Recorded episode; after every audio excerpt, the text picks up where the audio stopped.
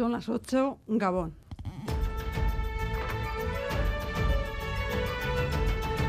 Crónica de Euskadi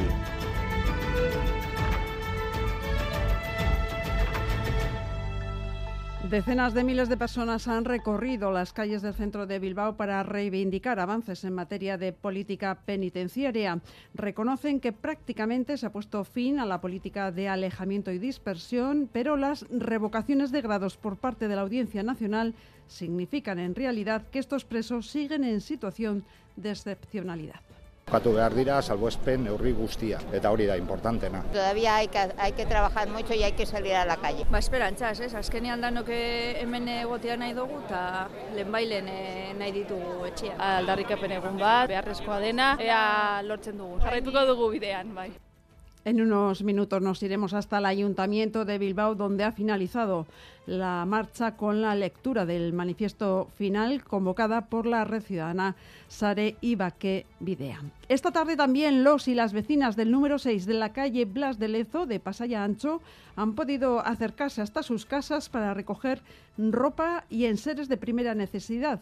En principio, la situación del inmueble, que veía cómo ayer fallaba una de sus vigas maestras, no es tan serio como se pensaba. Hoy ha sido apuntalado y los y las vecinas podrán regresar en unos días, así al menos se lo han comunicado.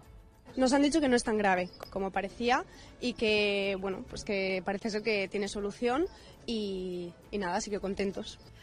Esta noche seguirán realojados en casas de familiares y amigos, algunos de ellos también en un hotel de la localidad vecina de Oyarchun. Y un apunte luctuoso en esta portada porque ha fallecido la joven de 18 años que el pasado jueves día 5 de enero fue atropellada en la Guipúzcoa 636 a la altura de Lezo.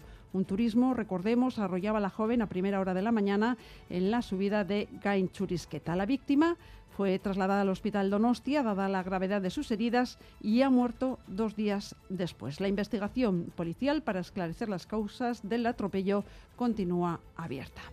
Y en estos momentos la circulación es fluida en las carreteras vascas, aunque se recomienda precaución por el viento que seguirá estando muy presente también mañana domingo Euskalmet, Jayone, Munarriz.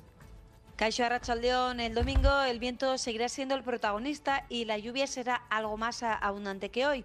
Durante la primera mitad eh, del día el viento soplará del suroeste con fuerza, sobre todo en zonas más expuestas del oeste de Vizcaya y Álava, aunque en el resto también será intenso, sobre todo a media mañana en Álava.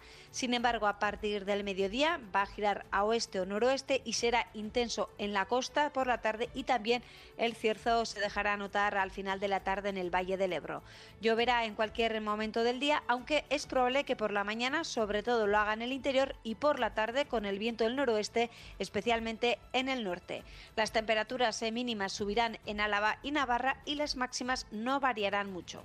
El viento y las olas han provocado que desde las 6 de esta tarde y hasta el martes el Ayuntamiento de Donostia haya cerrado tanto a vehículos como a peatones el Paseo Nuevo, el Peine del Viento y el paseo de Leizaola de la capital guipuzcoana. El viento también ha provocado diferentes intervenciones de los bomberos en Vizcaya, territorio donde esta mañana las rachas han sido más fuertes. El aviso amarillo por viento se activa mañana a las 6 de la madrugada. El de riesgo marítimo costero lo hará antes, a las 4.